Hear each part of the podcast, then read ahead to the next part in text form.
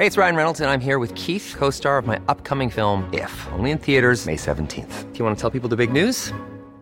All right, I'll do. Sign up now and you'll get unlimited for $15 a month in six months of Paramount Plus Essential Plan on us. Mintmobile.com slash switch.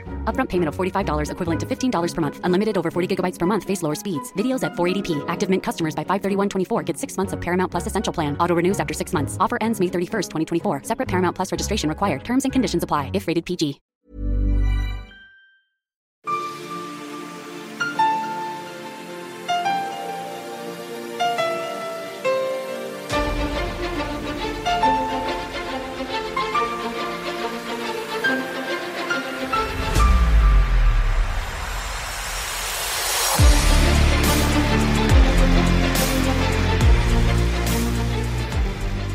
Lyssnar på Militärsnack. Podcasten där militära saker blir lätta att fatta.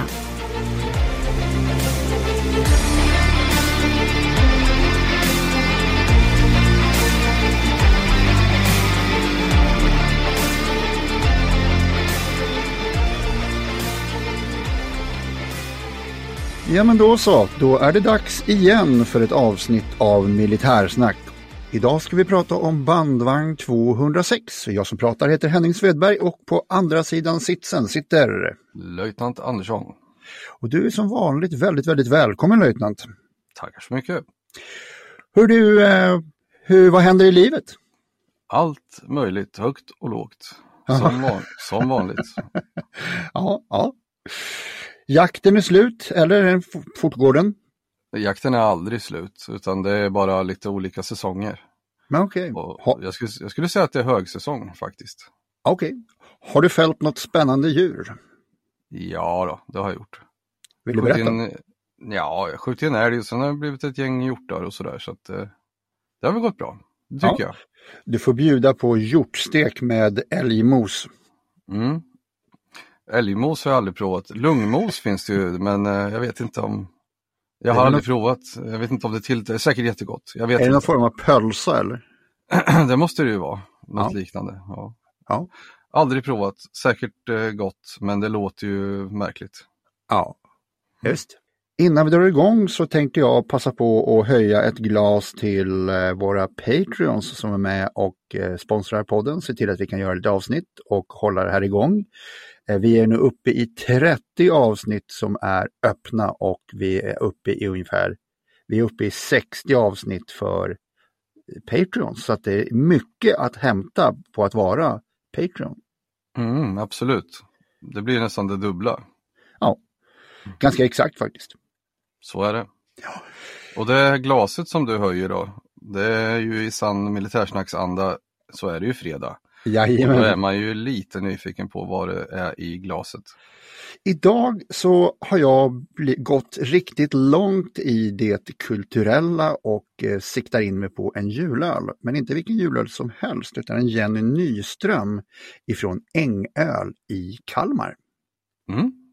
Den ligger på 4,5 procent, kostar 22,50 och är en riktigt bra klassisk julöl med smak av sirapslimpa, aprikoser, nötter och lite kryddor och apelsinskal och sånt där. Och Systembolaget säger till min stora förskräckelse att den passar bra till lammkött eller smakrika vegetariska rätter. Och jag har i min värld aldrig sett en vegetarisk jul och kan inte heller tänka mig en sån. Nej, det klassiska julbordet eh, är ju eh, 90 kött, så Ja. är det ju. Ja. Det är väl lite som att åka på ett motorrace och så är det elbilar. Ja, lite så. En vapenfri militär till exempel. Ja. Eller lätt, lättöl. Ja. Och vad har du själv i glaset då? Ja, ma- folk tror nog, eller borde ju tro att vi eh, synkar upp det här innan. Det har vi inte gjort. Jag har också julöl. Ja. Eh, och det var så här att eh, Vreta kloster, de eh, släppte en julöl här nu. Eh, och av en händelse, det var inte så att jag hängde på låset, men så kom jag över den här då precis vid utgivningen. Och den heter helt enkelt Vreta klosters julöl 2022. Mm. Mm. Och jag tror att de har tanken att krydda den lite olika då, ungefär som man gör med med årgångsglögg eller så. Jag låter det, vara os- låter det vara osagt men den är ju, den heter 2022. Eh, det här är en 33 centiliters pjäs eh, på 10,2 procent. Och eh, den, den är ganska dyr, den kostar 59,90. Okej. Men eh, jag tycker att det är värt. Eh, man får ju tänka på att man kanske inte dricker en. Och eh, då har man ju per definition druckit två 5-procentare. Så att ja, eh, 59,90. Helt okej. Ja. Eh, den här, om man har druckit Abedissan 12 eh, eller Chimay blå så skulle jag säga att man är ganska nära smakmässigt enligt mig. Mm. Men Vreta Klosters julöl 2022, eh, Systembolaget säger att den är kryddig, söt smak, inslag av fruktkaka, dadlar, nötter, kryddnejlika, ljus sirap, kanel, apelsinchoklad och pomerans. Se där. Jag ska inte säga att jag känner alla de här smakerna, men eh, den är mörk eh, som den ska vara, den är stark som den ska vara. Eh, och jag skulle hålla med om söt smak, kryddig eh, och ljus sirap som smakbeskrivning.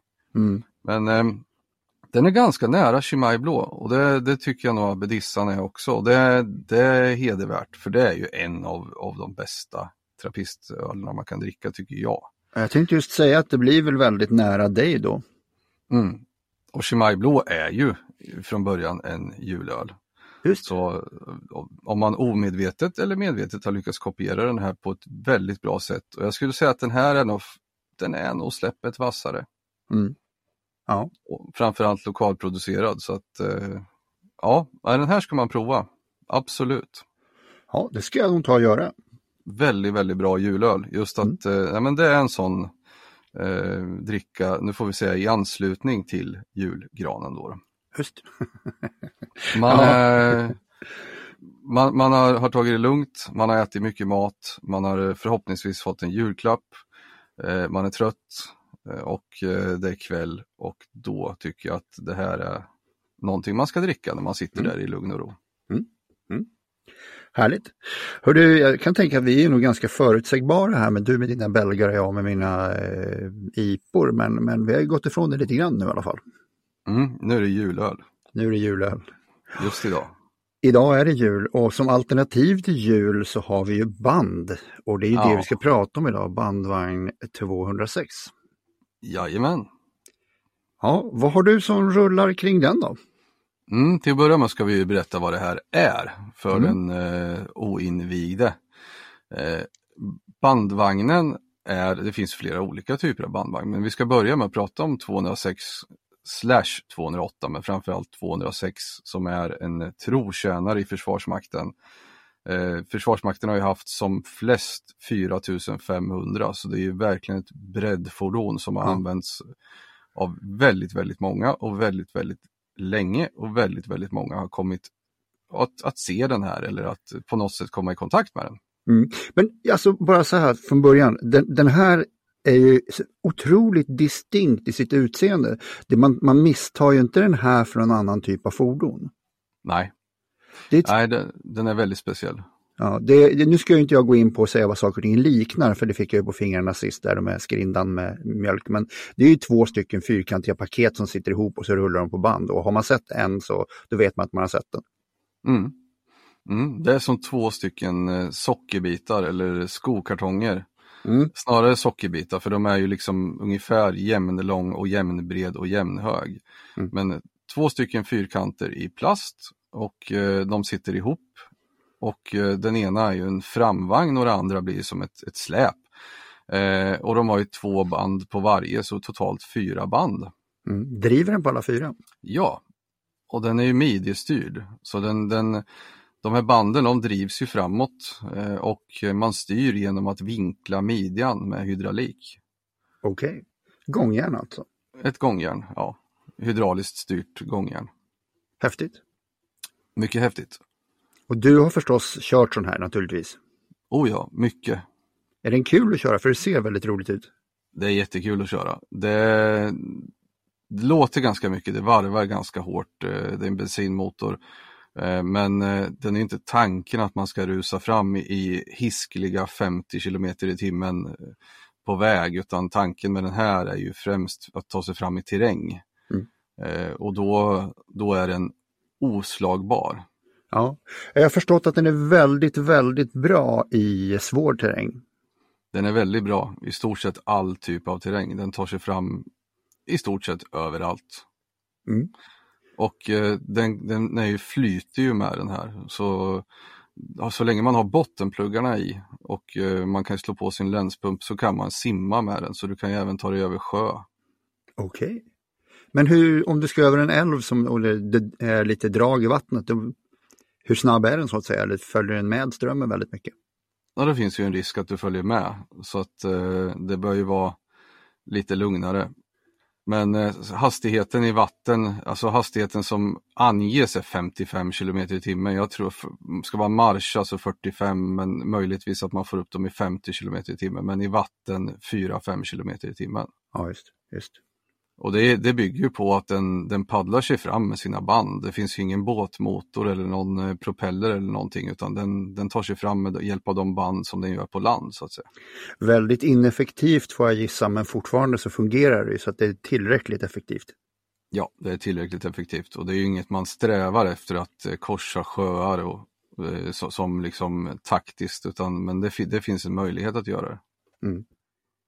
Jag tror jag har sett att Televerket på sin tid körde sådana här och även brandförsvaret har väl använt dem.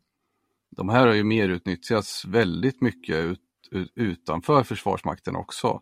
När man bestämde sig för att vi skulle lägga ner väldigt mycket och fick mycket överskottsmaterial. Då, ehm, eh, även innan det fanns det viss del, men då kom det ut ganska mycket på civil marknad och även andra aktörer då som till exempel eh, Svenska kraftnät och så vidare har ju använt sig av de här och brandförsvar och så vidare.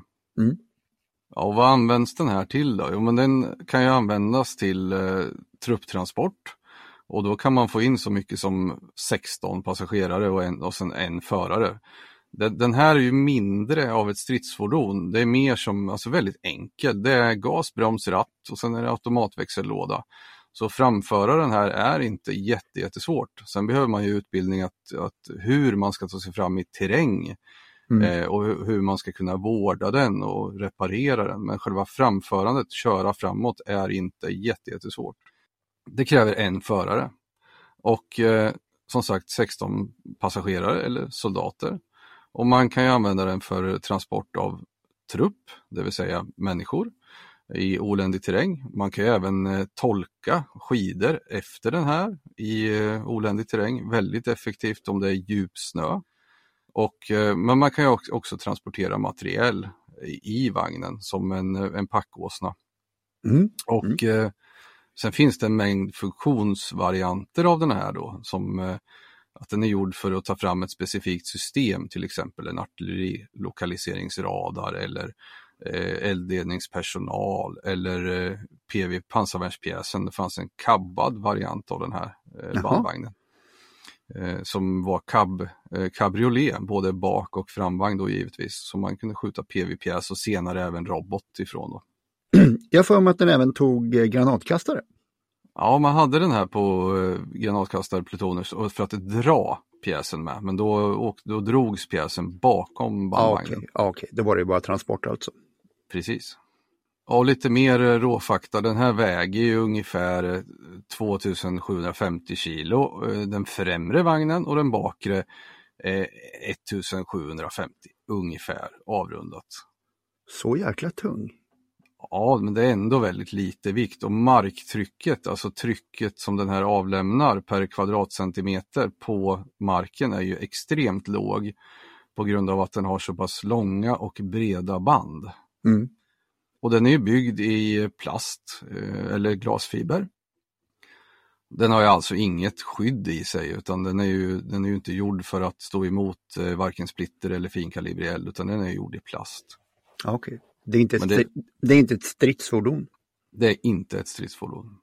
Och under de här två, de här två eh, plastlådorna så är de upphängda på bladfjädrar på en, en balk kan man säga och på den balken så är det fäst då eh, bärhjul och drivhjul och spännhjul och på de här över hjulen så sitter själva bandet. Mm.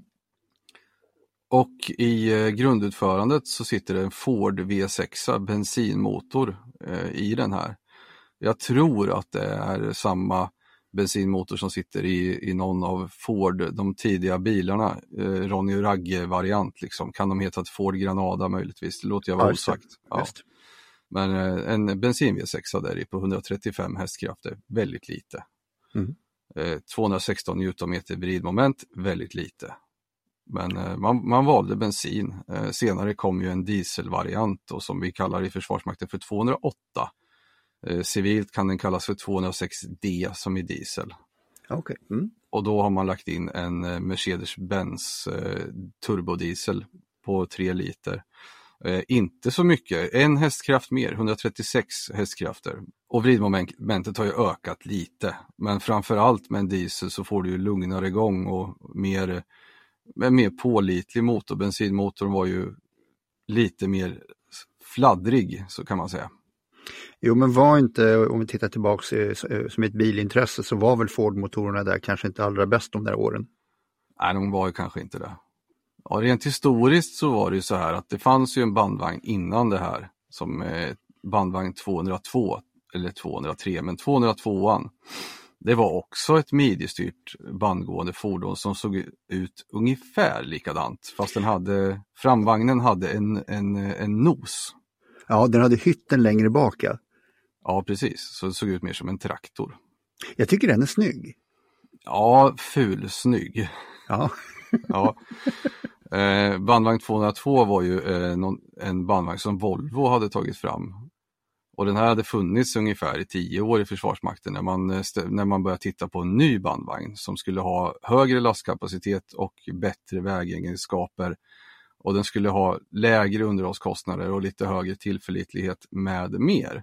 Mm. Eh, då var ju Volvo med och, eh, och konkurrera om kontraktet men eh, det var Hägglunds som fick det. ja just. Bara en fråga, vilket år var det som eh, 206 kom? Ja, Hägglunds vann kontraktet 1974 Mm. och så byggde man ju testvagnar och så vidare.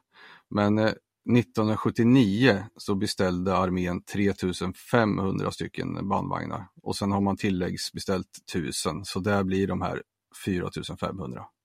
Okej, ja, det blev ett arbetstillfällen på, på orten då. Ja, det vart det ju verkligen. Men sen har det ju gjorts också i världen i och med att det är fler länder som använder, så det är betydligt mer än 4500 vagnar som har byggts, det är närmare 11 000. Ja. Så det finns, det finns lite olika ska vi säga, kopior eller varianter på den ute i världen då. Det gör det. Jag hittar inga bra källor på det, men jag vet också att efter ett tag då när man börjar prata Bosnien och såna här saker, 90-tal, att eh, det fanns en variant som hette Skalman och en 206 med eh, splitterskydd, någon form av pansar. Mm. Som man, eh, som man hade, som man skulle ha splitterskydd då.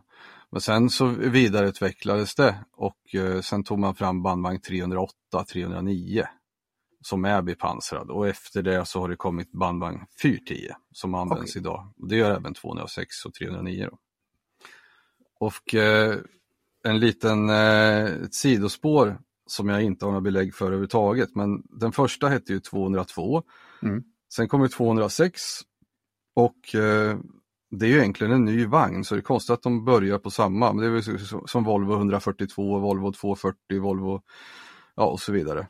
Mm. Ehm, så 202 först, sen 206, sen kom 300, eller 206, 208, 309, 410. Så nästa bandvagnsgeneration eh, antingen fortsätter man på 410 så att den blir fler siffror på 4 eller så borde den heta 511 Ja, okej. Mm. helt enkelt. Gissar jag. Mm. Men det finns, får- en, det finns en viss logik. Men då borde också finnas en bandvagn som heter 100 någonting. Och det kan ha gjort som försök men det är ingenting som jag vet eller kan hitta någonting om. Ja, okej. Nej, jag är med. Hey, it's Ryan Reynolds, and I'm here with Keith, co star of my upcoming film, If, only in theaters, May 17th. Do you want to tell people the big news? All All right, I'll do. it. Sign up now and you'll get unlimited for $15 a month in six months of Paramount Plus Essential Plan on us. Mintmobile.com slash switch. Upfront payment of $45 equivalent to $15 per month. Unlimited over 40 gigabytes per month. Face lower speeds. Videos at 480p. Active Mint customers by 531.24 get six months of Paramount Plus Essential Plan. Auto renews after six months. Offer ends May 31st, 2024. Separate Paramount Plus registration required. Terms and conditions apply if rated PG. Millions of people have lost weight with personalized plans from Noom, like Evan, who can't stand salads and still lost 50 pounds.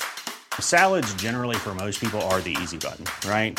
For me, that wasn't an option. I never really was a salad guy. That's just not who I am. But Noom worked for me.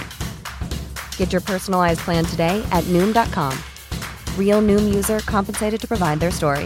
In four weeks, the typical Noom user can expect to lose one to two pounds per week. Individual results may vary. Jo, som jag sa förut också, du pratade om civil användning och andra, andra myndigheter och så vidare. Eh, försvarsbeslutet som togs, eh, de, det var ju ett gäng försvarsbeslut i rad där man skulle lägga ner mycket, 96, 00, 04 och så vidare. Men eh, runt 00 då uppstod ett ganska stort överskott av eh, fordon och då en del var ju i stort sett nya och då skulle man skrota ut eller sälja ut och då tror jag att det gick ut ungefär 1850 bandvagnar. Mm. Och de här vet jag att man ställde upp på olika ställen, bland annat på F13, gamla F13 i Norrköping och eh, det var mycket med det där, man fick inte sälja dem till enskild utan man fick köpa, sälja dem till uppköpare. Och jag vet bland annat att det var någon brittisk uppköpare som köpte upp stora klumpar, och pratade alltså hundratals fordon. Ja. Eh, för att på något sätt kunna garantera att det inte såldes vidare och så vidare till fel personer. Men sen började de dyka upp eh, på flera ställen, då, även civilt. Så det finns ju civila företag som har bandvagn. Mm. Men Försvarsmakten överlät även ett flertal då till bland ja, civilförsvar och vägverk, senare Trafikverket, eh, Svenska kraftnät och så vidare. Så de, de har gjort väldigt mycket nytta och gör väldigt mycket nytta. Mm. Jag kan ju tänka mig att de är väldigt effektiva som turnébussar. Så att eh, musiker kan ha den som bandvagn. Mm. Just det. Jo, jag sa ju det, Svenska kraftnät specifikt och det är ju vid stora störningar på eh, kraftnätet. Så att eh, Svenska kraftnät de har eh, bandvagnar utplacerade hos eh, elnätsbolagen och civila entreprenörer. Men entreprenörerna kan vara entreprenörer till elnätsbolagen. Eh, så det finns liksom som en bilpool med bandvagnar och utbildade förare som kan förstärka upp vid kris då. Okej, ja, när det blåser mycket och blåsningar och sånt där och köra ut eh, eh motorsågar och liknande. Ja, Jajamän, och linjeoperatörer och sånt. Även våra frivilliga försvarsförbund utbildar ju på bandvagn, till exempel FAK och eh, bilkåren. Ja. Och de kan ju, de här förarna från FAK och bilkåren kan bemanna bandvagnar åt eh, Trafikverket eller, eh, eller andra myndigheter som har bandvagn men kanske inte egna förare. Och bandvagnen var ju ursprungligen tänkt att tjänstgöra på infanteri och framförallt Norrlandsbrigader. Med, där det skulle vara mycket alltså väglös terräng helt enkelt i och med att de har så pass bra terrängframkomlighet. Och det ska vi tänka på att de har ju inget, inget ballistiskt skydd, inget pansar, men det hade man ju inte på infanteribrigaderna heller i någon större omfattning vid den här tiden, utan det var ju terrängbil 11, 12, 11, 13 och 20 som man eh, framryckte i. Mm. Du, hur, hur, lång räckvidd har en sån där? För jag menar, du kan inte tanka hur som helst när du är ute i skogen med den där. Ja, de har ju två stycken tankar, eh, de här bandvagnarna, och de sitter bak på framvagnen och är också i plast. Och eh, de här två stycken tankarna rymmer 80 liter styck, det vill säga total bränslemängd eller drivmedel som det heter i Försvarsmakten, då mm. bränsle mm. är ved och annat spritbränsle. Okay. Så drivmedel eh, 160 liter. Och sen har man eh, två stycken 20 liters jeepdunkar sitter emellan tankarna då, så man kan i praktiken bära med sig 200 eh, liter. Mm. Men eh, sen är det lite diffust vad den drar. Och den kan dra alltid mellan 4 och 12 liter milen beror ju såklart på varvtal, terräng och så vidare. och så vidare. Djup snö, vatten, uppförsbacke, ja. nedförsbacke. Ja. ja, ja, och så vidare. Så att, eh, men det finns någon form av estimerad aktionssträcka på 30 mil. Ja, ja, det är inte illa. Det är inte illa.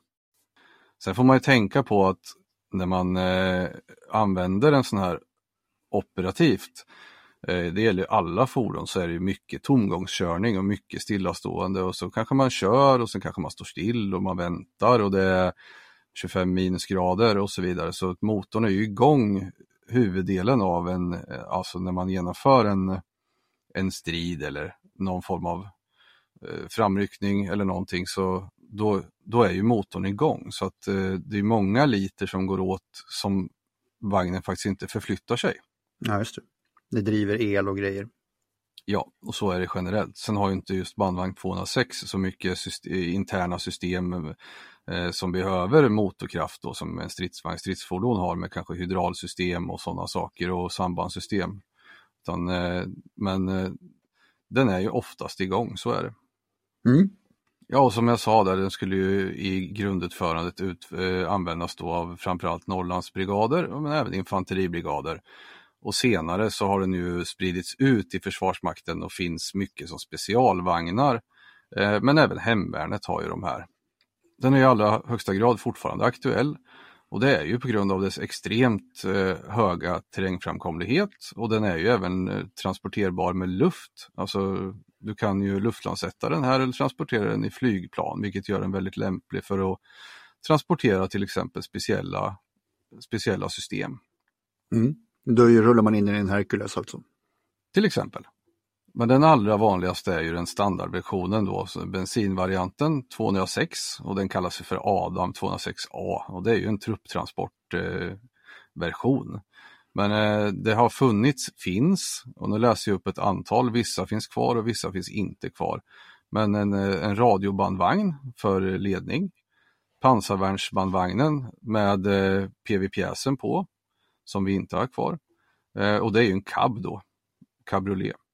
Eh, på framvagnen kunde man fälla upp eh, rutor eller bågar och lägga ett kapell på så att du kunde transportera dig själv om det var kallt och fortfarande ha värme. Men för att skjuta eller vara aktiv i strid så åkte du nerkabbat då. Lite cruisingaktigt. Jajamensan. Ut med armbågen. Och sen mm. så fanns det då PV Robotbandvagn, Robot 55. Eh, fanns, finns. Eh, pjäsplatsbandvagn, alltså eh, som leder indirekta elden och tar emot eldsignalering och så vidare.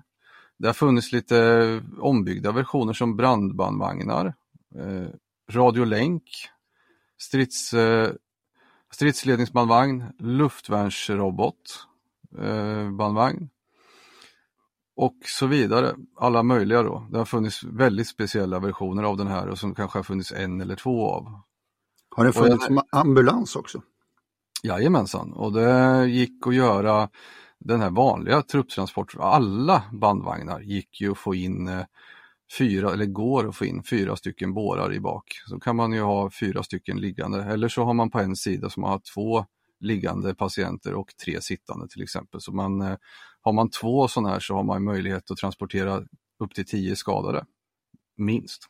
Mm. Men då är det ju inte en ambulans utan då är det ju en sjukvårds eller en sjuktransport, ett sjuktransportfordon. Man skulle kunna säga i modern kontext att det blir en kassevac och inte en medevac. En medevac är ju mer som en ambulans och kassevacen är mer att transportera skadade från slagfältet. Aha. Och jag var inne på förut som specifika system då som eh, Artur då, artillerilokaliseringsradarn som är buren av en sån här bandvagn. Då ska vi se. Jag kan tänka mig att den också är synnerligen användbar som mobilverkstad. Så, så man har ja. ett system ute i, i terrängen så, så har man, om någonting pajar, så kan man ha mekaniker och eh, speciella verktyg och sånt med sig i, i, en sån där. Ja precis, jag har dock aldrig sett eh, någon specifik version för det. Alltså det vi pratar om där det är en DSG, en driftstödsgrupp. Och det finns ju andra fordon som har sådana versioner, till exempel stridsfordon 90 så på ett stridsfordon, ett kompani som använder stridsfordon 90 så finns det en vagn som är specifikt framtagen för att vara en driftstödsgrupp eller en rullande verktygslåda men den kan fortfarande hänga med i anfallsrörelsen och den kan slåss själv. Men eh, man kan såklart lasta in verktygssatser och sånt i en 206 så blir det ju en, som en driftstödsgrupp. Mm. Men jag har inte sett något specialfordon för just det. Ja, men det måste vara optimalt för att köra ut jägare i skogen och sånt här. Och på fjällen. Exakt, precis. Den är ju ver verkligen kommer den till sin rätt i snö, i djup snömiljö.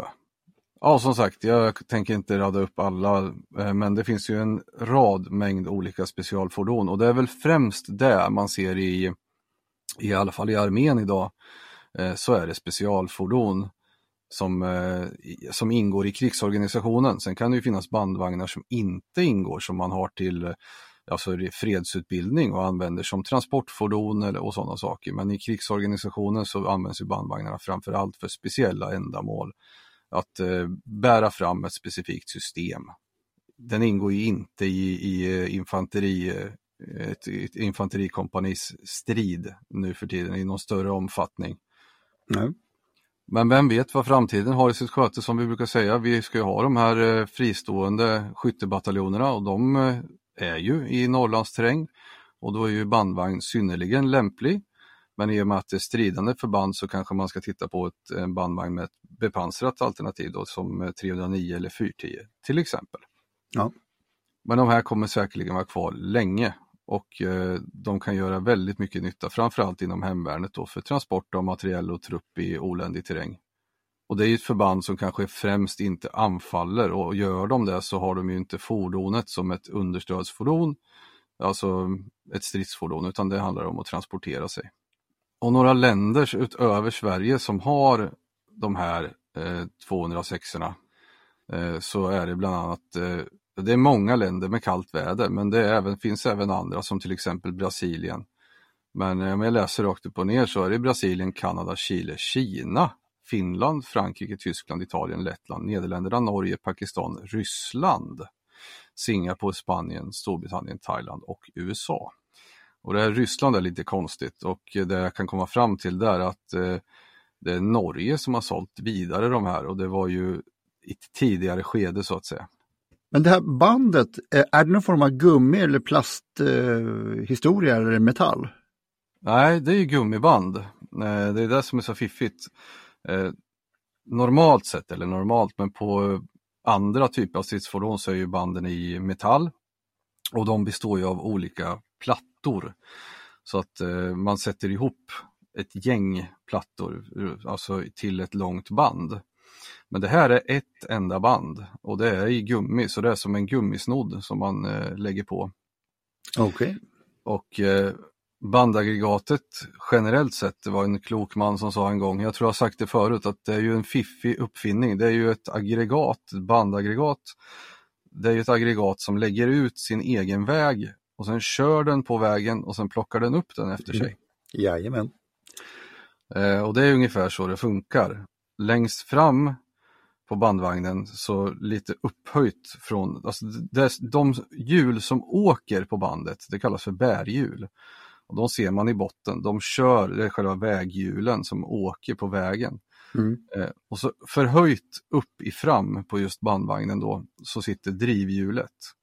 Och det är den som flyttar vägen framåt. Ja, just det. Och längst bak så sitter ett spännhjul. Och det är ju för att man ska kunna spänna och hålla spänn på den här gummisnodden så att den inte glider av. Glider den av så får man någonting som kallas för bandkrängning och det är mindre angenämt då för då måste man ju se till att få på det här igen. Då. Och då kan man behöva lyfta vagnen lite på ena sidan och då väger den 2,7 ton. Då. Mm, precis, men det finns någonting fiffigt. Det finns speciella domkrafter just i det här fallet som lyfter vagnen i ett hörn eller två hörn och så kan du lägga tillbaks bandet. Okej. Okay. Mm. Mm. Det, finns, ja. det, finns, det finns ju en version eh, bandvagn 206 IT. Mm Det är en bredbandsversion. Bredbandsversion. Ja, det finns lite olika band på de här eh, också. då originalbanden är ju Skega-banden då från Skellefteå Gummi Aktiebolag. Okay. Sen, eh, och då, då är det, det är de svenska originalbanden. Sen finns det de som eh, man i, i folkmun ska jag inte säga, utan på, ja, i, i bransch kallar för Kanadaband. Okej. Okay. Och eh, då behöver du ha ett, ett, annat typ av drivhjul så kan du byta till Kanadabanden. Då. Och de här har lite olika fördelar och nackdelar. Mm. Ja, och det är ju generellt så med bandaggregat att det är en fiffig uppfinning. Men drivhjulen kan sitta bak. På stridsvagn gör de ju i det. Till exempel våra, då sitter drivhjulet bak. Men eh, det där har lite med motorplaceringen att göra också. Vi, på stridsfordon 90 så sitter ju motorn fram och då hamnar ju drivhjulen fram. Mm, Och på bandvagn 206 just så har vi drivhjul fram. Mm. Och drivhjulen i det här fallet det är som kugghjul om man ser på bilder så är det som kugghjul som, eh, som, gör, som greppar in i motsvarande uttag eller hål i banden och driver det framåt. Då. Ja, just. Ja, Hur, går- hur går den här att köra på vanlig väg då? det går bra att köra på vanlig väg. Alltså det är som med allting, eh, allting som är gjort för ett specifikt ändamål. Det är likadant med stridsvagnar och stridsfordon. Kör du långt på väg och fort på väg så kommer saker slitas onaturligt mycket. Och det är samma sak här, det är ju ändå ett, ett gummiband och eh, det blir varmt när man kör och eh, ju fortare du kör ju fler mil kommer du lägga under dig och underlaget gör ju att det slits mer men det går alldeles utomordentligt att köra på väg. Okej. Mm. Ja, du kommer att uppstå en hel del vibrationer också om du kör på hårdgjord yta. Så, att säga, så kör du på asfaltsväg så är det ju ganska mycket vibration. Och då får man anpassa hastigheten och det är också generellt. Okej. Mm. Mm, så då har de alltså ingen beväpning själva egentligen då? då? Jo, det, det kan de ha. Eh, generellt sett i Försvarsmakten så hade man ju Pippi på att sätta luftvärnskulsprutor på precis allting. Och det var säkert en god tanke. Och då finns det någonting som heter LV-stativ eller luftvärnsstativ. Och de här gick att sätta på både terrängbil 30, 40, 11, 13, 20 och bandvagn 206 bland annat. Och då är det en arm som man eh, en arm som man sätter fast i eh, fästet. Och så då har man ett luftvärnsstativ och där i kan man fästa en KSP 58 och eh, det finns en påse under för ammunition och även tomhylsor och, och bandet när det kommer ut. Och då kan du skjuta från den här. Och det var ju tanken att skjuta på långsamtgående flyg framförallt som, som luftvärn. Mm. Och det är inte så vanligt med sådana nu för tiden. Det är inte jättevanligt med långsamtgående flyg. Eh, Det finns ju helikoptrar såklart. Eh, Och, eh, och de går ju att skjuta på. Men det är ju ingenting man ska använda. Jag skulle inte rekommendera att någon att understödja ett anfall likt det vi gör med stridsfordonen, det vill säga att man strider antingen från vagnen eller så strider vagnen och eh, skyddssoldaterna separat eller så strider man med vagnen. Mm. Och Det här ser man ju ibland eh, att en bandvagn kanske rullar upp i och, och liksom strider med skyttesoldaterna och det blir ju väldigt, väldigt eh, dåligt i och med att den är gjord i plast så det Ja, räcker att ja, det blir väldigt lätt att bekämpa. Eh, däremot kan man ju såklart understödja från, eh, från någon specifik position men då handlar det ju om att, eh, att bandvagnen blir ja, en lavett, en skjutplats och då kanske man bör ha bandvagnen i skydd men kulsprutan exponerad och skjuta någon understödseld och sen backa tillbaks. Så att det är ju Mm. fullt genomförbart. Aha. Men som sagt, den är gjord i plast och den tål inte eldgivning. Nej. Och så ska vi ju tänka på också att vi har de här 160 liter bensin som vi har med oss i framvagnen. Mm, Det är lite ohälsosamt om det går hål i dem vid beskjutning. Ja, det blir finsk stämning kan man säga. Så är det. Så är det. Nu, nu vet jag att du har ju kört den här så att eh, för min del så, så vad skulle jag? Då skulle jag välja att provköra den överhuvudtaget. Men eh, du som har kört den och inte har kört den i något du skulle vilja göra den i, vad, vad skulle du ta med dig och vad skulle du köra? Eller hur du nu vill lägga fram det Mm. själv. Mm, mm, mm. Eh, ja, jag skulle vilja köra i högfjällsterräng. Det är ju mycket olika terrängkörningslagar och sånt som gäller och vi får ju framföra de här på våra övningsfält och skjutfält såklart. Och även på civila vägar. Eh, eller om det är specifik övning så får man ju köra där man har blivit anmodad att köra så att säga. Men jag skulle vilja köra i, i riktig fjällterräng. Vi pratar 2-3 meter djup snö och den Mm. här eh, den här sjunker ju inte. Då kan man ju ta sig fram på ställen där ingen annan har varit.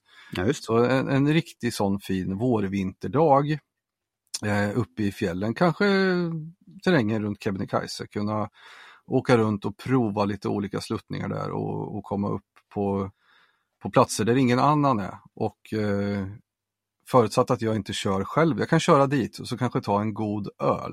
Så får någon annan, så får någon annan köra därifrån. ja, jag är lite inne på samma sak. Vi kommer ofta mm. tillbaka till Ukraina, men jag skulle nog vilja lasta bakdelen full med bärs och så mm. åka runt till soldater som går på sin viloperiod. Så kör man fram och, och ger dem eh, en riktig Slava Ukraini-öl. Mm.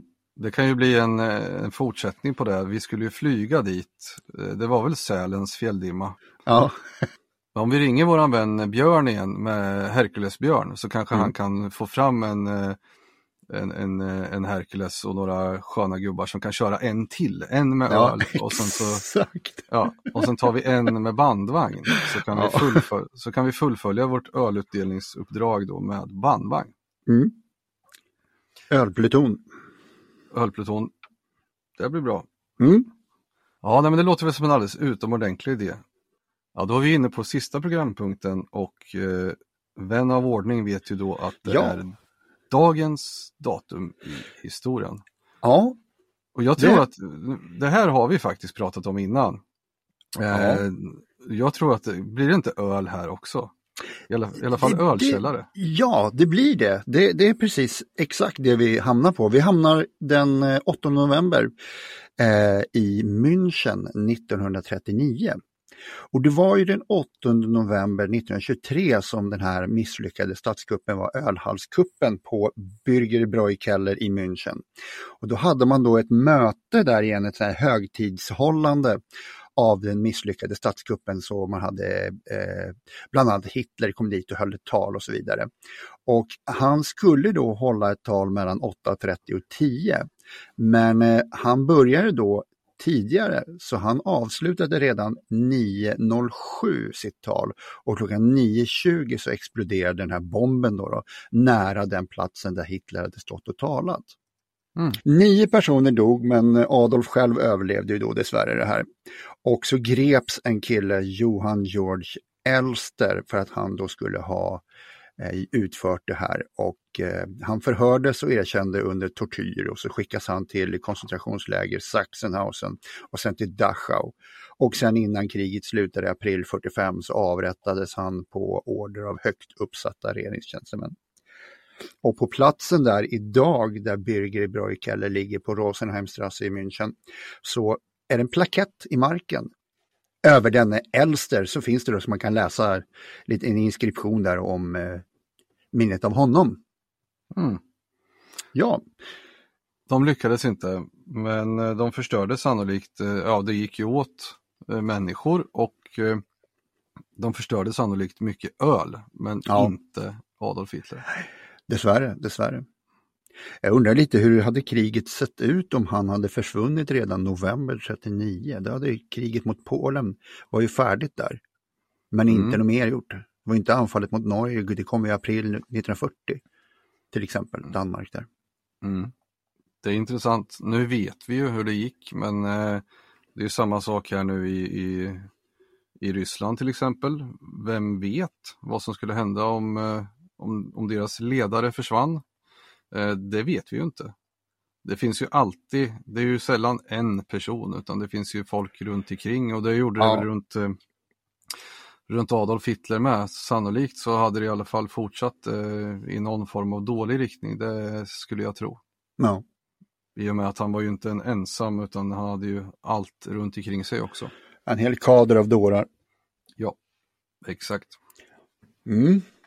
Jag har en Henning också, jag måste bara få säga det. Du hade ju dina, du har ju dina Göteborgsskämt. Låt höra. Och du pratade om att, eh, att det skulle vara turnébuss eh, till, eh, till band.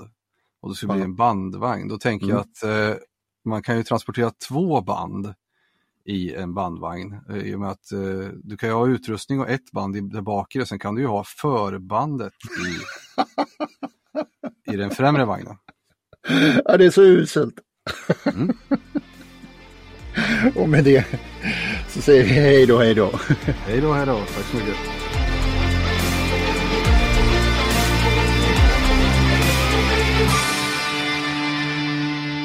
Glöm inte att gilla, dela och gärna prata om vår podd med de vänner du tror skulle gilla den. Tack! Planning for your next trip? Elevate your travel style with Quince. Quince has all the jet setting essentials you'll want for your next getaway, like European linen, premium luggage options, buttery soft Italian leather bags, and so much more. And is all priced at 50 to 80% less than similar brands. Plus, Quince only works with factories that use safe and ethical manufacturing practices. Pack your bags with high-quality essentials you'll be wearing for vacations to come with Quince. Go to quince.com slash pack for free shipping and 365-day returns.